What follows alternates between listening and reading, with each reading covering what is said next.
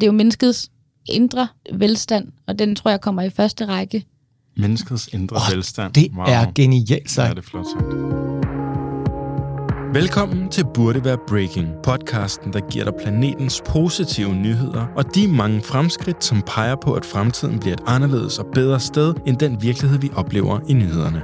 Jeg hedder Dennis Rivin, og mit navn er Emil Nørlund, og i hver episode har vi to besøg af en gæst for at tale om tre ting, der burde være breaking, men ikke er det. Fordi sladder og katastrofer giver flere klik ved kasse 1, og derfor både løber med overskrifterne og din dyrebare opmærksomhed. Uanset om vi taler med fagfolk eller godtfolk, er vores ultimative mål at få dig til at snakke om alle de gode ting, der også sker, så vi sammen får ændret det, vi taler om, fra random bullshit bingo til konstruktiv fremtidslingo, der giver energi og håb.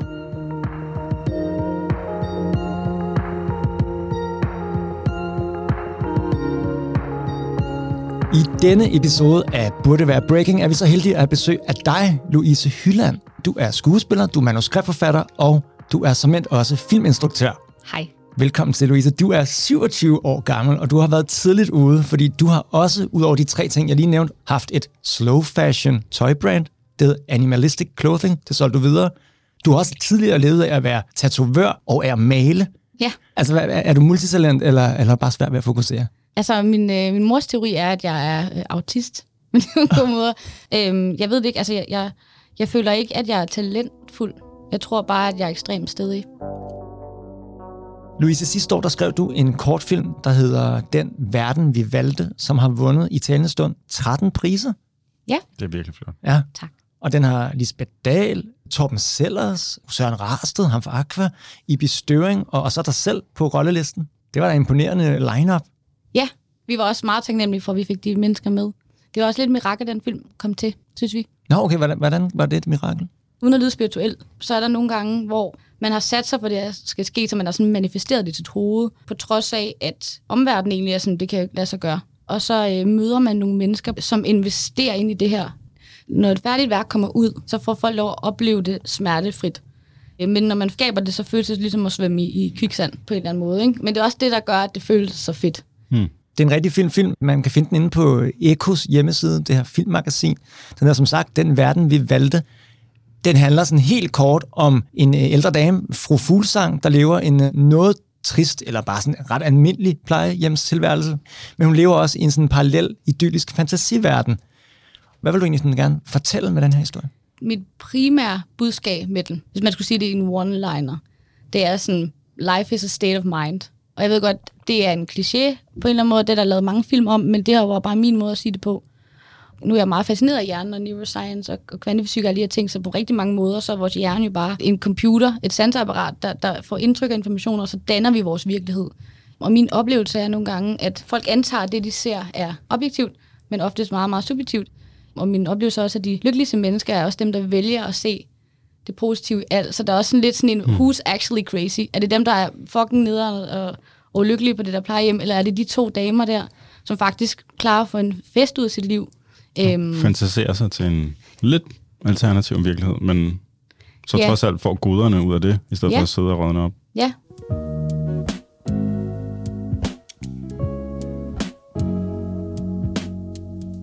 Nå, men nu blev den her snak jo bare en, en my retrospektiv, fordi det er en film, du, du har lavet, og ja, det er jo tilbage i tiden, men senere i denne her episode skal vi altså også høre, hvad du har i pipeline, og hvad er det næste, man kan se for din hånd af.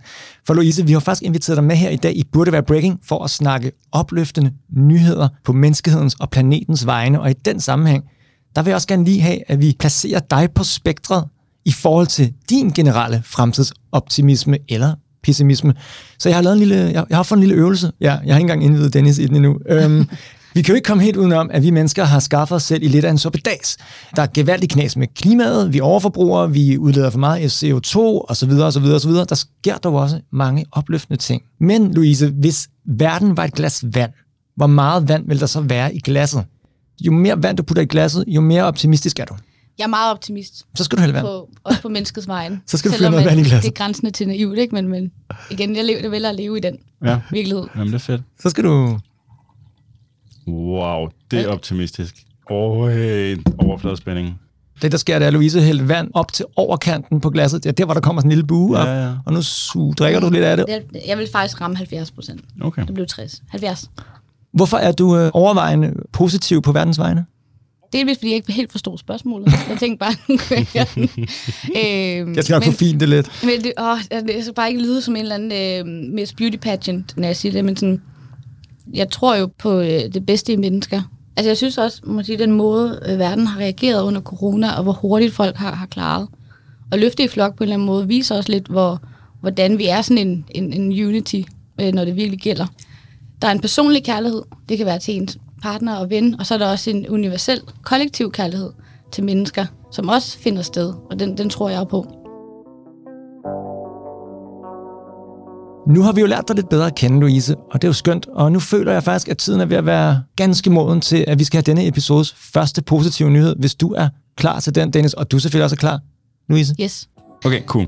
Den første nyhed handler om en ret simpel undersøgelse fra The United States of America, hvor man har spurgt 3.000 ansatte i landets 45 største virksomheder, og nærmest bare givet dem sådan en, hvad vil du helst aktivt, du ved. Og så har man spurgt dem, vil du helst have en lønforholdelse på 30.000 dollars om året? Det svarer til sådan lidt over 15.000 kroner om måneden. Eller vil du have lov til at arbejde hjemmefra permanent, selv når pandemien er en saga blot? Hmm. Og hvordan tror jeg, folk har svaret på den undersøgelse? Okay. 15.000 Øh.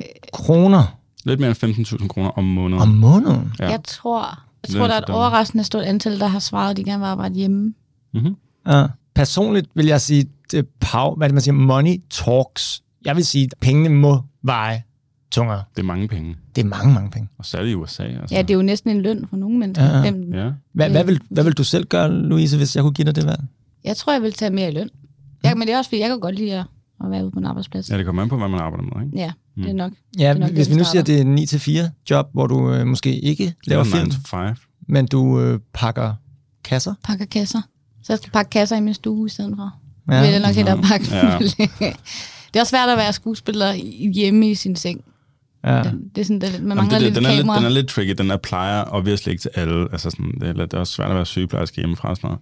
Anyways, svaret mm. er, at 64 procent i den her øh, undersøgelse, øh, de valgte at få lov til at arbejde hjemmefra over mm. den her ret klækkelige ja. lønstigning. Og det var ret interessant, fordi det er en lidt større ting, som så det her, for det handler ikke nødvendigvis om, at folk hader deres arbejdsgiver, eller hader deres kontor, eller at de for den sags skyld elsker at arbejde mm-hmm. derhjemme på gæsteværelset, eller køkkenbordet, eller hvad man, hvad man lige har, og skrigende unger i baggrunden, og ægte folk i undertøj, og alle de her ting, der lige lunder forbi videoopkaldet. Det, det kommer ned til åbenbart, mm. det er, at folk hader at pendle. Mm. Uh, der er simpelthen studier, hvor folk udråber pendling som deres mindst foretrukne aktivitet i hverdagen. Ja. Og nu, hvor man har prøvet en ny og bedre måde at gøre tingene på, så er der mange, der ligesom har fået smag for bare at lade være. Ja. og, og det er det hele taget, øh, altså der er det hele taget meget snak om, øh, at man sådan førhen i meget høj grad formede sit liv rundt om arbejdet med indkøb og børnepasning og hyggeaktiviteter, eksklusivt reserveret til weekend og alle de her ting. Alt bare optimeret til, at far og mor kan, du ved, køre den der 9-4. Men at nu, nu har pipen fået en lidt anden lyd, og mange har på en måde sådan rekalibreret deres prioriteter i livet, og, og, og, og nu prøver de måske i højere grad at forme arbejdet rundt om livet mm. i stedet for. Mm. Det er et mentalitetsskifte. Det er en kursændring. Ja, det er altså, en ny ja. æra. Noget af det, jeg synes, der er sådan ekstra bemærkelsesværdigt ved det, du fortæller, Dennis, det er, at det er i USA, at folk vælger personlige fordele i forhold til transport frem for penge. Jeg troede, mm. at det var pengeland nummer et. det har jo bare været sådan lidt en, en awakening på en eller anden måde, hele pandemien i forhold til, at folk har fundet nye sider af sig selv og mm. oplevet ja, præcis nye og bedre måder at gøre tingene Ja. på. Og så faktisk en, en lille side note, så her for nylig, så kom der også et nyt studie fra WHO, der skønner, at overarbejde nærmest isoleret set dræber omkring 745.000 mennesker årligt. At arbejdsuger i, på 55 timer eller derover øger risikoen for blodpropper i hjernen med 35 procent, mm. og hjertesygdomme med 17 procent. Ja, ja, ja ja, så det er jo interessant, at, at to tredjedele foretrækker sådan livsværdi frem for, for økonomi, og have de der to-tre timer ekstra sammen med familien, frem for at kunne give dem flere gaver til en.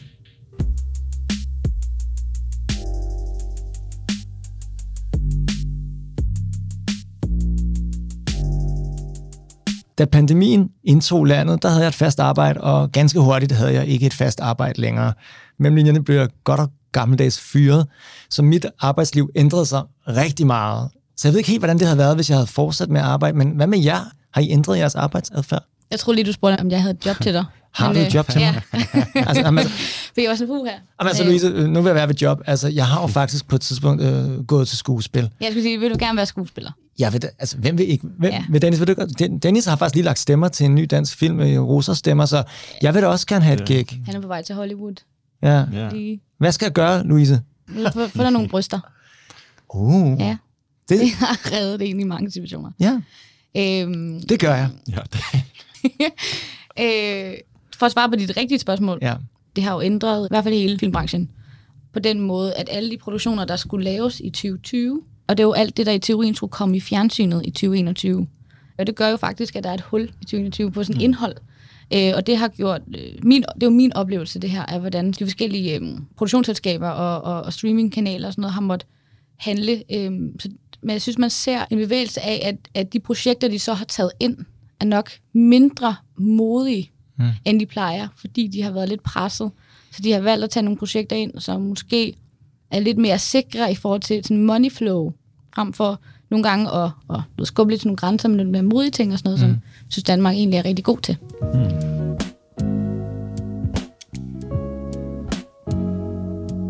Men der er sådan noget sjovt, jeg lige tænker, fordi de 15.000 kroner om måneden, som man skulle vælge mellem i, i starten af din nyhed, Dennis, vil man øh, arbejde hjemme, eller vil man have 15.000 kroner mere?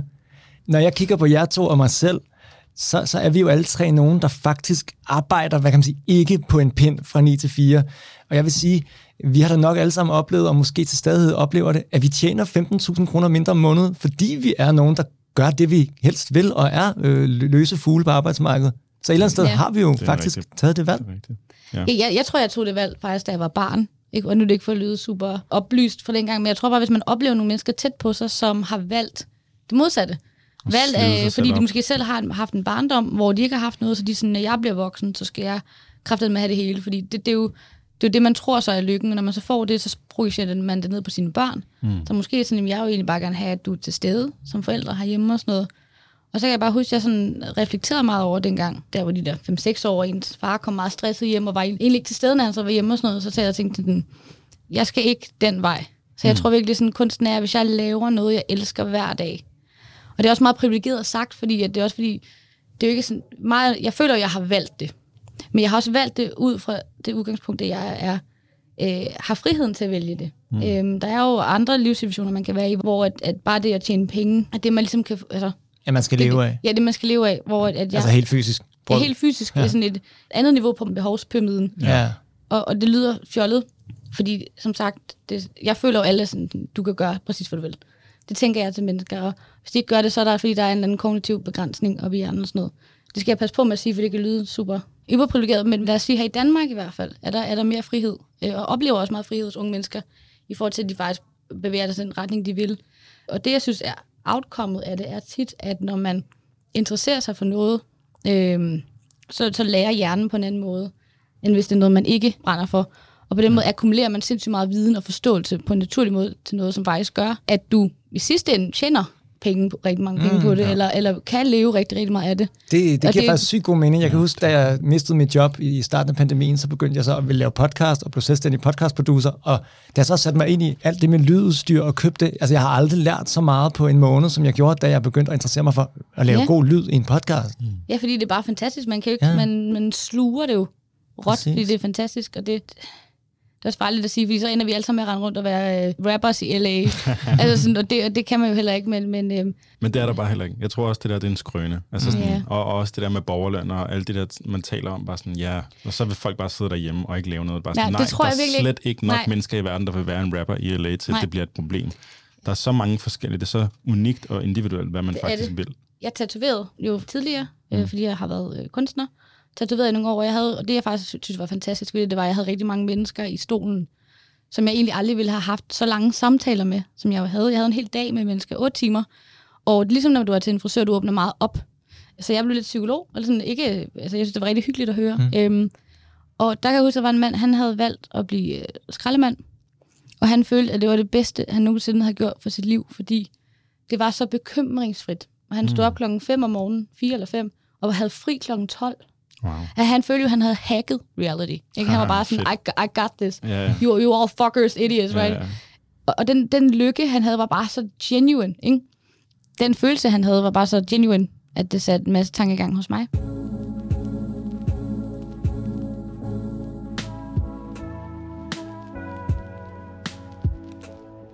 Tusind tak for den første positive nyhed i den her episode, Dennis. Og inden vi skal videre til den næste, du kan lige tage dig en uh, breather. Mm. Ikke en bre- breezer, en, En breather. en, en, en ja, få, få vejret. Ikke? Ja, det havde været dejligt. Det er ret varmt. Nå, men inden vi skal til nyhed nummer to, vil jeg lige høre dig, Louise. Hvad er dit, øh, du tager en tår vand, men udover vand, hvad er dit hoved så fyldt med for tiden? Vi har hørt om dine øh, projekter, som der går lidt baglands. Hvad, hvad sker der nu? Altså udover det er fyldt med væske, Ja, så det er fyldt med... Øh, og et par høretelefoner. øh, øh, altså, hvis jeg skulle være helt ærlig, altså, jeg tror ikke, jeg kommer til at sige, åbne op for alt, hvad jeg tænker. For det tror jeg ikke, at den her mikrofon okay. okay. kan sådan, den frekvens kan den slet ikke opfange. Lad mig reformulere. Sådan, øh, på arbejdsmæssigt plan, hvad går du og river i for tiden? Jeg har gang i to-tre projekter lige nu. Jeg skal instruere en ny kortfilm om en måned, som hedder En af drengene. Og det er faktisk en film, jeg ikke selv har skrevet, men en kvinde, der er kommet til mig med en rigtig historie. Okay. Og hun spurgte, om jeg ville instruere den, og der sagde jeg ja. Og udover det, så er jeg i gang med en, en tv-serie, som er skrevet, øh, og er i gang med at blive øh, solgt ind. Og man, man håber jo at satse på, at det, Aha. det lykkes. Og når du siger skrevet, er det så dig, der har skrevet den? Wow. For der, der tænker jeg, der er jo rigtig mange forfattere, der kun har én bog, eller, eller manuskriptforfattere, der kun har ét manus i sig. Har du mange skud i dig? Altså, har du, har du mange historier? Har du uendelige antal? Det virker som om, du allerede har, har mange historier. Ja, jeg føler ikke, idéer er ikke det, der mangler. Men, men evnen til at vurdere, altså man kan jo altid, når man føler, når man får en god idé, så tænker man sådan, I'm a fucking genius. I got this. Ikke? Dagen efter så man tænker, hvad er det for noget lort? Altså, hvad fanden er det, der foregår, Ja. ikke? Ja, Så, så, jeg vil, så jeg vil sige, at jeg har rigtig mange drafts liggende også af, af kortfilm og, og spillefilm, som nu må jeg sige, jeg har ikke skrevet spillefilm, jeg har skrevet treatments versioner af dem, så ligesom et, et, et, ligesom en, en synopsis af en art, ikke? Og nogle af dem bliver måske lavet, nogle skal udvikles, og nogle var måske bare en hjerneblødning, som mm. jeg skulle have ud. En brain fart. En brain fart, ja. Ja. Det er lidt en dyr brain fart, hvis man skal skrive et helt manus. Ja, og det er derfor, man skriver uh, treatments. Så Ah. det, det er måske en 3-4 sider, Okay. som ligesom er en outline af, hvad fanden der foregår. Hvordan trygtester man, om noget er øh, lort eller guld? Jamen, det gør man jo egentlig ikke. Altså, det er jo, det, det er jo, det er jo egentlig bare, at man, man selv tror ekstremt meget på sig selv. Grænsende til sådan lidt øh, komisk, ikke? Og så hopper folk med på den, eller så gør de ikke. Man kan sige, at det, der kan være en verification af noget godt, er jo, at når man, selv når man laver kortfilm, der er jo ikke rigtig penge i det for nogen. Øh, man har et lille budget, og så finder man de her passionerede filmfolk. Der er jo rigtig mange roller, der skal opfyldes på en filmproduktion, for at øh, filmen bliver løftet. Og de mennesker tager jo faktisk mange dage ud af deres liv for at lave det her uden løn. Min kæreste er rigtig svært ved at forstå det. Han, han, han er jo ikke vant til, også, en af de få brancher, hvor man kan få folk til at gøre ting ulønnet. Mm. Og så prøver jeg så at forklare ham om, at det, altså mange kreative mennesker er meget passionsdrevet. Så hvis de forelsker sig i noget, så, så er løn sekundær mm. på en eller anden måde. Øhm, og det gør også en, en, en kortfilm meget magisk, fordi at man ved, hvorfor folk er med. Der er jo en, en, en indforstået sådan fællesskab i det, frem for at man ved, ham der han får 12.000 om dagen. Så de kører ind i historien, og der er ikke så meget andet måde at verificere det på, andet end folks sådan, reaktioner, og sådan, vil de være med, så, så investerer de sin tid i det. Mm. Det må betyde, at det kan noget. Mm. Louise, du er jo skuespiller, men øh, helt ærligt, er du klar til endnu en god nyhed? Ej, jeg ved ikke, om jeg kan mere. Altså, Til at spille skuespil? altså midt med alt det kage også, og Ej, selvfølgelig er du klar. er du ikke klar? Yes. Eller spiller skuespil? Hvordan kan, man, me. hvordan kan man se forskel? Det kan man heller ikke. Nå ja. Det er vildt. Wow. Vi spiller alle sammen lidt skuespil, gør vi ikke? Jo. Dennis, du skal have formidlerrollen på nu. Ja. Okay, men den her, den er faktisk... Øh, jeg tror ikke, vi har nævnt det, men Louise, du er jo halv øh, norsk. Ja. Fra er Norge. rødmand. Ja, Ja. Ja. og øh, så den her, den taber lidt ind i en lidt, øh, eller en ret forfærdelig ting, der skete i Norge. Kan I huske det der, der var et jordskred her lige omkring øh, Ja. nytår? Fik Ja. ret meget øh, mediedækning, ja. Der var 10 mennesker, der døde. Det var altså forfærdelige billeder af, en halv by, der nærmest bare Ah. forsvandt. Altså. Ja, ja. Ask hedder den her by, øh, og meget, meget tæt på Oslo. De er ret vilde, de her jordskred. Det er bare sådan nogle altså store landmasser, der forvandles til en form for weird væske nærmest lige pludselig. Og så skrider det hele, altså et helt område, øh, som ellers var fast, det er bare væk og river mm. alt med sig som en form for sådan mudderlavine. Det er slet ikke noget, man har lyst til at være nærheden af, mm. tror jeg. Og øh, det koster cirka 1000 menneskeliv hvert år øh, rundt omkring i verden, og milliarder af dollars i materielle skader og sådan noget. Og dagens anden nyhed, den går på, at NASA netop har udviklet en machine learning Ej. model, der fordobler præcisionen af nuværende forudsigelser for jordskred, som man hvilket som helst sted på kloden i stort set real time. De kalder det faktisk for nowcasting. Jeg har ikke hørt det her begreb før. Hmm. Ikke forecasting, men nowcasting, fordi det er en lige nu og her forudsigelse med op til to timers varsel. Og det er jo ikke meget forberedelsestid, mm-hmm. Bjarne Goldbæk. Men pointen er lidt med de her early warning systemer, at vi lever i en ret vild tid med virkelig meget uforudsigelighed på grund af ændringer i vejrsystemer og klima og alle de her ting, og så er det oftest regionale varslinger baseret på lidt mere old school sensorer og nærmest sådan word of mouth, som, mm. som man arbejder med rundt omkring i verden. Og så kommer NASA lige med deres satellitbaserede Global Landslide Hazard Assessment Model and Mapping Tool. Say that 10 times quick. baseret på kunstig intelligens øh, og eyes in the skies, og pludselig har man et værktøj til forudsigelse af jordskred, hvilket som helst sted mellem de to poler inden for en kvadratkilometer og med næsten 100% nøjagtighed. Mm. Det er da for fedt. Ja. Tillykke til verden med altså sådan endnu en science fiction, et, Ja, et science ja, endnu et fiction værktøj, der kan redde menneskeliv. Altså. Altså nu skete det i Norge sidst. Var det noget, der du blev ekstra berørt af, fordi du er halv norsk? Altså, man blev altid berørt. At Ja. det, altså, jeg var ikke personligt berørt. Jeg, jeg kendte ikke nogen. Mhm. Mm-hmm. Øhm, men man mærker jo sådan, hvordan Norge er i sorg. Også fordi det er sådan et, et land, der ligesom Danmark på rigtig mange måder har det rigtig godt. Så når der sker altså nogle tragedier, så, så er det som om landet Mhm. græder. Altså to timers varsel. Man plejer altid at sige, hvad vil du redde ud for din lejlighed, hvis den brændte? Men to timer, hvad, hvad, vil, I, hvad, vil, I, hvad vil I gøre på de to timer? Hvad vil I redde? altså mindst. Oh my god, I would, I would get drunk, man. Nej, nej. jeg ved det ikke. Nå, du vil redde de øl, der stod i køleren, eller hvad? ja, ja. Åh oh, gud. Øh, jeg vil tage min kæreste med. Ja, Jeg, overvejer, jeg vil overveje det. Kom an på, hvilket humør Altså, han var i. Altså, man kunne jo faktisk godt nå at ikke, uh, hyre et flyttefirma og fylde kareten, men jeg ved ikke, Altså, om... det vil være ting med affektionsværdi, ja. tror jeg. Det har jeg også lyst til at sige, men det jeg siger, det er egentlig bare, øh, jeg vil tage min harddisk. Ja. Altså sådan ægte, fordi jeg har bare så meget affektionsværdi på, Ja, på simpelthen digitalt efterhånden. Ja. Jeg ved ikke, hvad jeg ville vælge af fysiske ting. Jeg, jeg tænkte, at man kunne hyre dyne. 3 gange 34 En 3 gange 34 men... Men, Men det er en, faktisk det er en forretningsmodel, det er en idé til en forretningsmodel. Sådan noget der last er der- action. Ja, Ja. ja. Sådan, dude, Ja, vi vi, er er der der- altid inden for en time og tre Ja. kvarter. ja, jeg skulle lige så sige, der er lige kvarter til. og vi har skrevet Kom, sikre fuck. jul. ja. Det er en, vi, er, vi er en jordskredssejr for flyttebranchen. Nej, det er bare helikopter eller lidt. Ja. Jeg ved ikke, hvad man tager. Men jeg tror også, man bliver lidt ligeglad med, hvad man ejer lige pludselig. Det er ikke det sådan, ja. hvad fuck det hele. Altså, det er bare... Ja. Jeg, vil, jeg vil hellere bare hurtigt væk.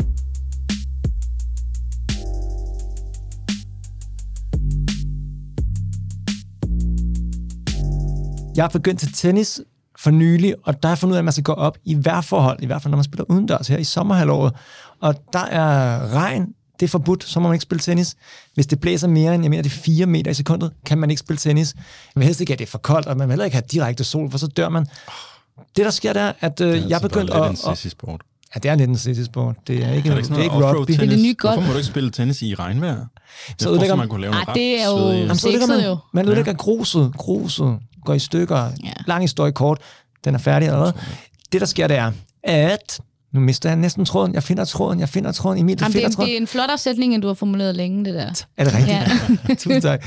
Nej, det, der sker, det er, at jeg så er begyndt at navigere øh, i mange forskellige vejr-apps for at finde ud af helt præcis, hvordan vejrsituationen er i Farum, hvor jeg spiller tennis. Tak til Brikstoft og Karoline Wozniacki, shout out, for der er gode tennisbaner og stadionfaciliteter. Anyways, Sponsored. det, der sker, det er, at man begynder at opdage, at alle de her vejr-apps siger noget forskelligt, og det ja. Bare, står bare i skærende kontrast til, at NASA opfinder et superværktøj, hvor man kan se, at der kommer et jordskred, det er noget, der sker mm. under jorden inden for to timer.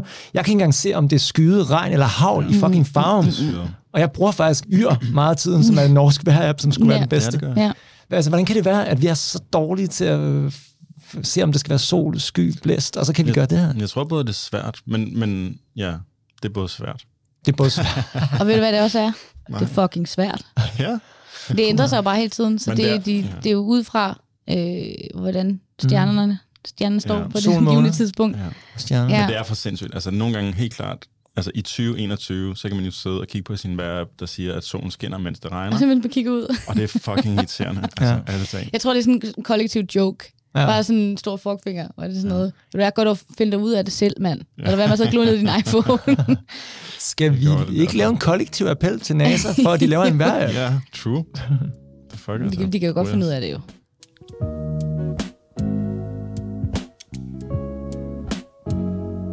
Jamen, det var jo øh, noget så fornemt, som denne burde være Breaking Episodes anden positive nyhed. Og inden vi kommer til den tredje og dermed sidste nyhed i denne episode, så vil jeg lige høre dig igen, Louise. Du er 27 år gammel, det har vi fået etableret tidligere i episoden. Du har været tatovør, maler, iværksætter, tøjmærkeindehaver, senest skuespiller, manuskriptforfatter og instruktør. Tror du, at du har fundet din øh, sådan helt rette og faste hylde i filmbranchen, eller skal du videre om et par år og prøve noget, nogle helt andre ting? Nej, jeg føler, jeg føler 100% at jeg er der, hvor jeg skal være. Altså, jeg ved selvfølgelig ikke, om branchen har taget mig ind på hylden, men, men jeg føler personligt, at det, og det, og det lyder så fjollet, men det er sådan, jeg føler egentlig, det er jo altid det, jeg har sku, og det har altid ligget der er et sted i mit liv, men man bliver også bedre til at mærke sig selv gennem årene, og jeg tror altid, jeg har haft et ekstremt behov for at, at skabe. Jeg kalder det næsten sådan en emotional constipation, hvis ikke man får lov at på en eller anden måde få skudt alle de her idéer ud i livet. Men jeg har bare ikke vidst, hvilken vej jeg skulle, og så øhm, og tror på en eller anden måde, da jeg, fordi jeg kunne tegne, og, og de der ting, at, at så bliver man lidt ansporet i den retning, og så tænker jeg, jamen, så er det jo det, jeg skal.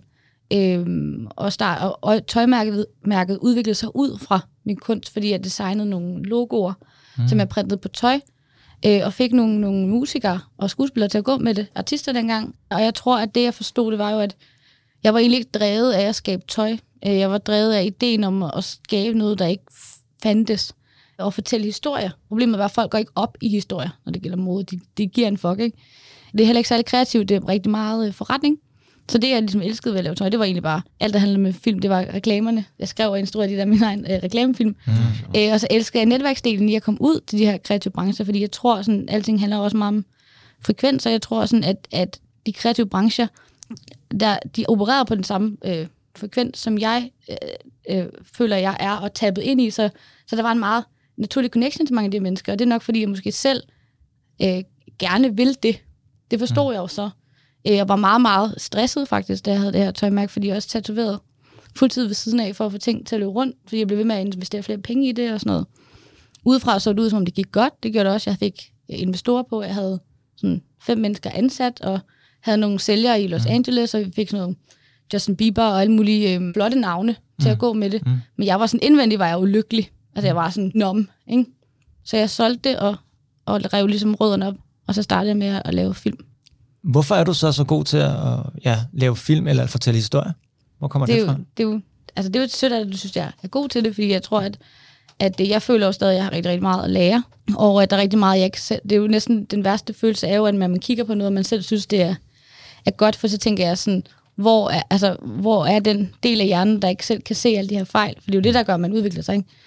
Mm. Øhm, så jeg, altså, jeg, jeg kan bare godt lide at fortælle historier, mm. øh, og har altid øh, elsket at gøre det. Men tvivler du så stadigvæk, når du ser Final Draft, eller hvad det hedder, øh, sidste øh, Final Cut? Ja. Tvivler du stadig på, at det er godt nok? Ja, altså man, man krummer tær, når man ser det første materiale. Mm.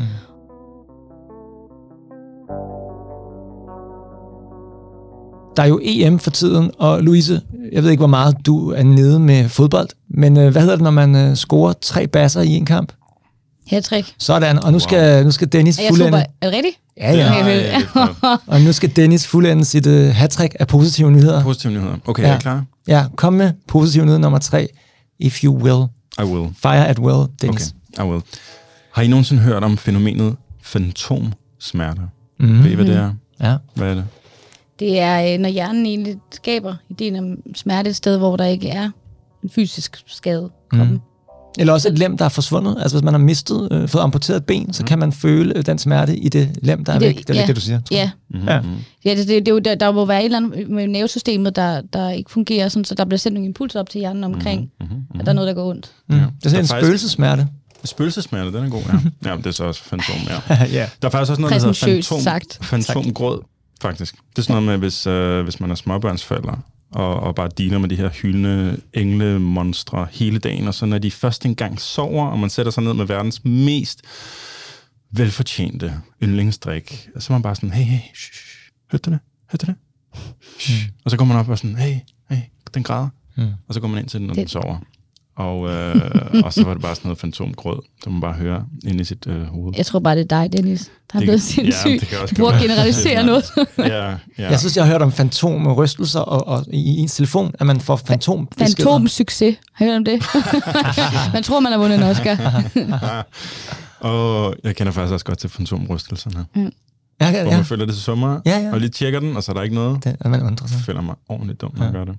Okay, anyways. Mm. Øh, fantomsmerter, meget, meget værre end både fantomrystelser og fantomgrød. Det er, som jeg siger, det er ofte folk, der har fået amputeret et ben eller en arm, som så oplever ægte smerte i, i, i, i de mm. lemmer, som ikke længere er der. Øh, altså sådan, det, det Ej, virkelig, forfærdeligt. virkelig, ja, det er lidt af et mindfuck, må man sige. Altså sådan, det må være ulideligt. Mm-hmm. Og det er nemlig noget med overskårende naver og forældede hjerneceller og signalstoffer i rygmarven, har jeg læst mig til, øh, der er sådan fejlagtigt tolkes af hjernen mm. øh, som smerter, fordi de ligesom bare farer rundt, er Ja, sådan ja. hjemløse i kroppen, eller øh, ja, hvordan man skal sige det. Øh, og det behandler man traditionelt med nogle af de her klassiske go-tos, som antidepressiver og morfinpræparater, og helst selvfølgelig en cocktail af det mm. hele. Mm. Men There's a new kid in town til Bow, bow, lindringen bow. af de her forfærdelige fantomsmerter. Og det er et af mine yndlingsemner i hele verden for tiden. Er der nogen af jer, der kan gætte, hvilken kategori vi er i her? Neuroscience. Neuroscience, Og noget med psyke- artificial intelligence. Og noget med psykedelika, noget, noget med, NASA. stoffer. Ja, okay. Og Mina. noget med noget bevidsthedsudvidende. Ja, Ja, ja, okay, okay, okay. Det er rigtigt. Svaret er psykedelisk Ja. terapi. Vi talte om øh, psykedelisk terapi, Emil, med psykologen Sisse Finn i første episode af sæson 2 her, og jeg skriver om det så ofte, jeg overhovedet kan komme til det i mit nyhedsbrev, fordi det er bare så mega spændende. Mm. Og den case, vi har i dag, handler om en fyr i USA, der fik amputeret sit højre ben fra knæet og ned efter en ulykke i en af de der underlige åbne firehjulstrækker, man drøner rundt med på sådan nogle sandbanker og sådan noget. Det, det ser faktisk ret sjovt ud egentlig. Undtagen selvfølgelig, hvis man lige vælter, og ens ben bliver knust under bilen, hvilket var det, der skete for ham her. Fyren, der hedder Albert Yumin Lin. Og så endte han altså med at få amputeret benet, og han havde vanvittige fantomsmerter i længere tid, som han prøvede at bedøve med alt fra opioider til yoga, meditation og faktisk også uh, virtual reality uh, terapi, hvilket er sådan en ny ting, der også lyder ret interessant. Men, men, men, det var først, da han prøvede psilocybin, som er det psykoaktive mm. stof i uh, magiske svampe, at hans smerte gik fra 10 ud af 10 på intensitetsniveau til 0 ud af 10. Det er lidt Og- af et øh, spring. Det er lidt af et spring, ja. det er lidt Øhm, øh, før efter makeup, ikke? ja. Mig og Morten. Så det her det er egentlig det, det er lidt en personlig historie fra hans side, mere end et studie vil referere til lige her, men man kan læse om alle mulige ongoing kliniske forsøg i, i den her samme artikel med psilocybin til lindring af kroniske smerter, og det øh, synes jeg bare er fantastisk. Altså det er, det, det er fuldstændig sådan en brand new era, altså æra af... Era, altså era. era. Ja, Ja, bare tak æra. for Ja, oversættelsen. ja. Og det lyder som era. era. Altså, Det var en, Ja, det var en fejl. error. Åh, oh, ja. øhm, Wow. jeg, jeg er dybt fascineret af det her. Kender du til det her? Altså psykedelisk terapi, er det noget... Øh, Øh, Du enten har erfaring med, eller bare kender, eller hørt om, eller? Altså ekstrem... Øh, uh, altså nu skal vi passe på, nu skal jeg prøve at holde øh, nogenlunde lige tråd, for ellers så bliver det sådan to timer. Mm. Øh, men, men svaret er jo ja. Altså jeg, jeg er meget fascineret af det, og egentlig også ekstremt meget fortaler for, hvad det kan gøre for menneskehjernen, og hvad det også har gjort historisk set, ud fra i hvert fald nogle teorier, og nogle teorier, som jeg også mm. selv... Øh, Okay, og hvad- vi skal lige uh, break it down. Hvad gør hvad? Altså, hvad de her uh, magic mushrooms, der er... Der er Ja, Spids Nøgenhat Ja, øh, har det, der hedder psilocybin. okay, det er så det, vi findes også i dansk natur. Ja. Øh, det er en naturlig svamp, helt klart. Ja. Men altså, altså, alle, alle former for psykedeliske stoffer findes i naturen. Det er bare kommer an på, hvor på kloden du er. Mm. Der er jo de, der hedder ayahuasca, som kommer fra et træ, men de har forskellige former for, Mm. for bevidsthedsudvidende effekt på hjernen, hvilket også understøtter ideen om, at mennesker måske har taget det i, i rigtig mange år, fordi det har været tilgængeligt i naturen. Og har været med til at udvide hjernen, er der også øh, Altså, mange er der nogen, der tror, at vi faktisk måske har udviklet en stor hjerne, fordi vi har hjulpet lidt på vej? For mig virker det som en realistisk teori, Mm. hvis det er noget, mennesker har spist over, over længere tid. Mm. Øhm, Det er jo Darwin, ikke? Ja. På den måde. det er jo, det er jo et hack i darwinismen, kan man sige. Okay, det er lige ja. sådan, Det er et hack, ja. Det er en god Ja. måde at sige det på. bare lige speede lidt op. oprindelige folk, altså over hele kloden, der har man bare sådan arkeologisk også fundet spor efter mm. shamaner, eller hvad det kunne være, Ja. stamme, stammefolk, som havde sådan nogle små goodie bags, hvor der var alt fra altså sådan kokain til Mm. cannabis til øh, ja, psilocybin og Ja, man snakker også om øh, græske filosofer, både øh, Sokrates og Platon og Aristoteles, som selvfølgelig var lærermestre af hinanden. De skulle jo alle sammen på den her rejse en gang i deres liv. Og de beskriver jo ikke, hvad de to oplevede, men, men de havde kommet tilbage med den helt samme beskrivelse, som folk også beskriver, når de har haft en psykedelisk oplevelse, som er den her øh, ikke frygt for at dø, faktisk. Mm. Øh, det er me- meget det samme, de beskriver. Og den her sådan helt livsessentielle, altså den vigtigste oplevelse i deres liv. Og det er også derfor, ja, at, at øh, jeg synes, det er ærgerligt, når det bliver sammenlignet med, med stoffer, fordi øh, jeg synes, det er to vidt forskellige. Ja, det hedder bare bevidsthedsudvidende stoffer. Ikke? Men Ja. det er også det, man oplever lige nu. Der er et mentalitetsskifte i Ja. verden. I flere kliniske forsøg, der er. Altså, det var i 2020, at officielt psilocybin blev erklæret Ja. efter en række kliniske forsøg for ufarligt, officielt ufarligt for mennesker. Og nu bliver det sådan, mm. hvad hedder sådan noget, deklassif... Nej, hvad hedder det, hvor man, ja, mm. øh, tager det ud af... Det hele har jo bare været øh, i, jeg ved ikke, om det er FN eller USA, eller hvor det er, hvor man sådan klassificerer de her forskellige stoffer. Alt har bare ligget i samme kategori som Ja, ja, heroin, basically. Ja. Bare sådan danger. Ja. Ja. Mm. Øhm, og fængselswise straf. Ja. Altså sådan, ikke? Og nu begynder man sådan lige så stille og roligt at prøve. Og Og Oregon var den første stat i USA øh, sidste Ja. år, der lovliggjorde psilocybin til øh, terapeutisk behandling. Det er fantastisk. Mm. Altså, jeg, jeg, tror, jeg tror på, at det har en, en healende effekt på dem, hvis, hvis man har et må, formål med det. Forstået på den måde, at fordi hjernen, som de fleste ved, har jo, er jo 10% bevidst max, og resten er jo ren underbevidsthed, der bare kører fuld drøn. Og vi har 70.000 tanker om dagen, og mange af dem er vi slet ikke bevidste om, og sådan, der foregår rigtig meget dernede i, i dybet. Mm. Øhm, så lad os sige, at du har haft en traumatisk oplevelse som barn, og det farver din adfærd i dit voksne liv, men du, ikke, du forstår ikke, hvorfor du har de her øh, øh, abstrakte fængsler omkring dig i forhold til, hvordan du agerer, og, og egentlig måske også er, ja, er, er, er meget begrænset og og ulykkelig. Og, og du kan tage til psykolog, men du kan kun snakke om de ting, du er bevidst om. Og jeg tror, der hvor det så går ind, så hvis man har PTSD eller andre fortrængningsmønstre, så er det jo, at det åbner op for rigtig mange underbevidste lag, hvor det er også rigtig hårdt at blive konfronteret med, fordi vores underbevidsthed passer også på os til et vist niveau, hvor vi fortrænger nogle ting, vi ikke lige gider, gider huske. Men det gør, at man kan gå ind og rive fat i noget, som man ikke selv måske vidste var en, mm. en knude, som måske har påvirket rigtig meget i dit voksne liv. Mm. Øhm, og det er der, hvor jeg føler, at det har en fantastisk effekt. Det er det, man ser her, og det er det, vi har talt om i, øh, i nogle tidligere episoder, tror jeg. Øh, det der med, at det særligt i, i forbindelse med øh, lindring af stress, angst og depression. Altså det er totalt, det, det, det er der, hvor der, der sker mest lige nu øh, mm. i forbindelse med studier. Kliniske forsøg med psykedeliske substanser, øh, som har altså, bare sådan revolutionerende resultater. Mm. Øh, mit yndlingsforsøg, det er det her fra Johns Hopkins University School of Medicine fra november, hvor man havde en gruppe svært depressive mennesker, der bare har prøvet alt muligt i mange år. Og i løbet af fire uger og to sessions af det her, hvor de har indtaget psilocybin i tandem med psykoterapi, altså så under kontrolleret forhold, professionelle mm. mennesker og alle de der ting, så var der 54 procent af hele gruppen, der slet ikke kunne kategoriseres som værende depressiv længere. Mm. Nej. Det, altså, det er for sindssygt. Det er Ja. så, så spændende. Meget tydelige tegn på. Ja, det må man sige.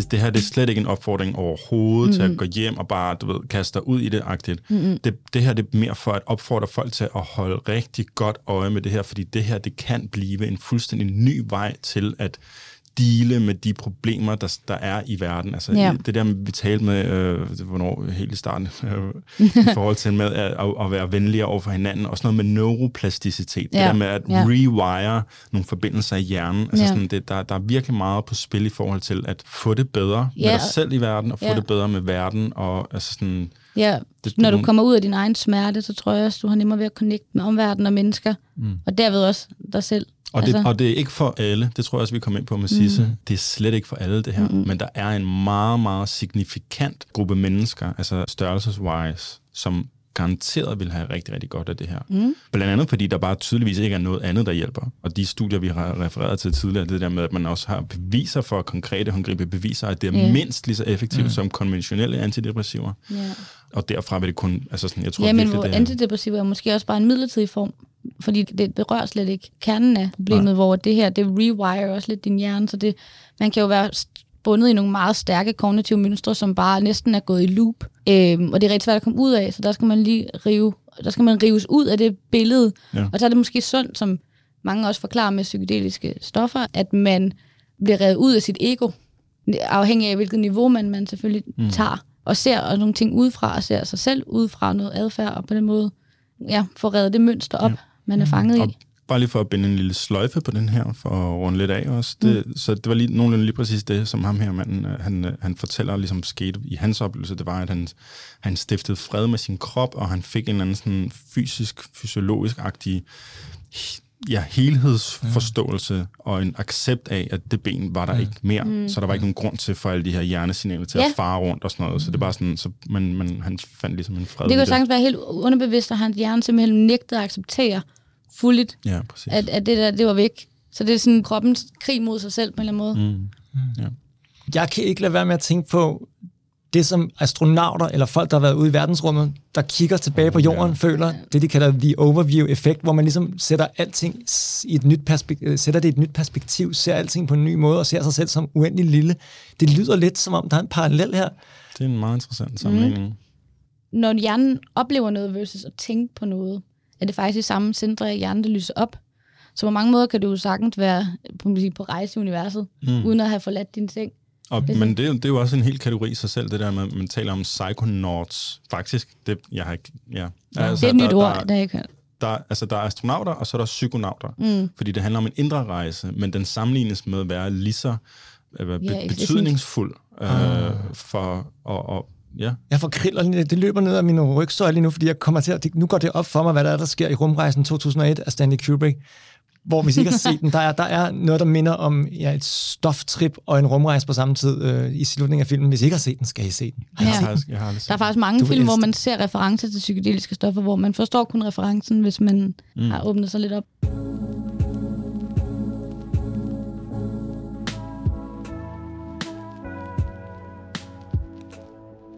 Hvis nu I fik amputeret et lem, eller havde en, øh, en, en svær de, depressiv tilstand, ville I tøve med at tage en, en øh, psykedelisk terapeutisk omgang her? Det lyder ikke sådan. Altså, Ja, jeg vil på ikke ingen måde. Hvis, hvis jeg, særligt hvis jeg har sådan exhausted alle de muligheder, der, der, der, der foreligger, uden noget resultat, så vil jeg aldrig nogensinde tøve det her. Det, det er meget interessant igen. Det er virkelig ikke en opfordring at gøre det, uden at sætte sig grundigt, grundigt ind i det.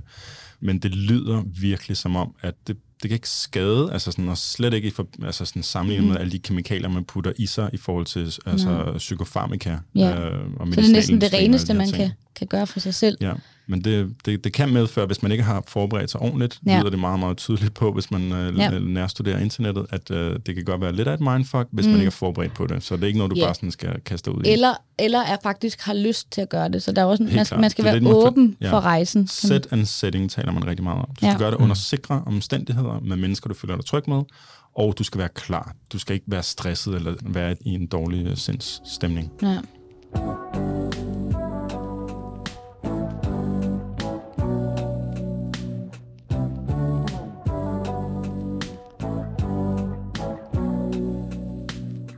Wow, bare wow. Det var noget af en, øh, en tredje og sidste positiv nyhed, øh, Dennis, og, og lidt af et øh, mindfuck også.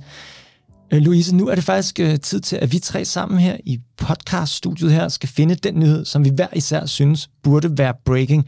Den nyhed, som vi hver især mest har lyst til at fortælle videre.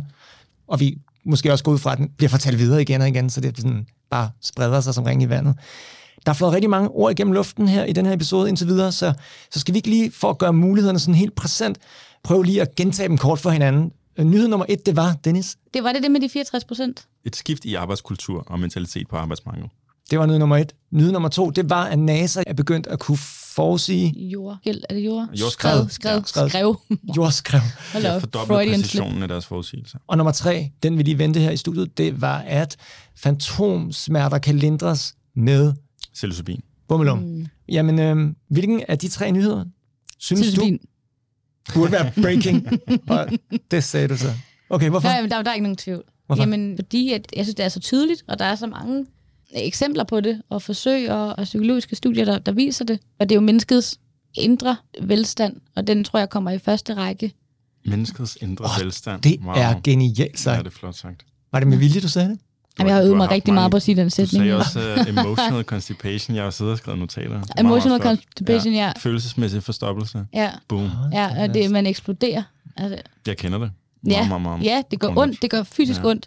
Det. Det lyder så snobbet, men det gør så ondt ikke at få lov Ja. at skabe. Okay, psilocybin. Uh, Det siger du, Louise. Ja, Ja, det siger du. For sportens skyld, så vælger jeg nummer et. Altså det her skift med på, på arbejdsmarkedet. Mentalitetsskift. Der er nye og bedre måder at gøre tingene på. Der er sådan... Awakening er lidt et agtig woke-agtigt, du ved. Det, mm. det, er ikke sådan, det er på den måde, men vi har bare fået en chance for på en eller anden måde at gøre tingene på nye og bedre måder. Og nogen vil kæmpe imod, måske mange arbejdsgiver, som gerne vil beholde tingene på den måde. Vi kender det, og business as usual og alle de der ting. Men hvis der er et mentalitetsskifte reelt i verden, og der kan være mange grunde til, at folk siger op, eller ikke vil, du ved, mm. det ene og det andet. Men det ligner bare, at der er en bevægelse i verden, hvor folk på en eller anden måde har fået et rådrum til at indse, at det handler om at leve deres liv, og ikke være det her tandhjul på et arbejdsmarked. Ja. Uha, jamen, I har lige gjort mig til øh, Oland, hvis, hvis det var X-Factor det her. Ja. Ja, eller, Eller jeg kunne vælge den i midten. Det, det, det ligger op til, at en mand skal være galant, at jeg skal tilslutte mig dig, Louise. Og jeg synes, det er mega fedt, det her Det med også, du psilocybin. gør. Men, men det gør jeg altså ikke. Jeg, jeg har bare så med på øh, nyhed nummer et med, at øh, amerikanerne vælger at arbejde hjemme frem for dolaser. Altså, det, giver- det, det, det, ja. er, det er et paradigmeskift. Purpose trumps profit. Men alle nyhederne er jo gode nyheder. Så det Det er må jo man sige. Det er, det, det er nyheder, der burde være breaking. Men ærligt talt, det er jo bare vores ydmyge meninger her i det glohede studie herude på Bryggen i København. Så hvad er egentlig din mening, dig der sidder og lytter med? Hvad synes du? Vi laver som altid en post på Instagram, hvor du kan vælge din favorit positive nyhed. Den, der burde være breaking. Det hedder vores Instagram-konto også. Du skal bare give den gas inde på vores profil. Vi elsker interaktion. Ja. vi elsker dig. Og Louise, vi elsker, at du har været vores Tredje. tredje gæst nu. Tusind tak, Louise. Ja, det er fantastisk. Tak. Så fedt, altså. Tak fordi jeg Ja. må være med. Ja. Tak for at dele gode nyheder. Det, vi kan give dig som tak for at være her, det er skamløs selvpromovering. Ja. Du får simpelthen øh, så lang tid, som din skamløshed kan række til bare at fyre den af og tale dig selv op.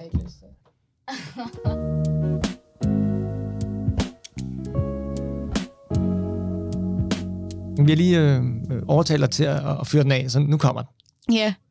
Øh, jamen tak til dig, der gad at lytte med så langt. Og hvis du har lyst til at se min film, så kan du finde den på Echo Shortlist. Du kan eventuelt søge under mit navn, eller på Den Verden, vi valgte.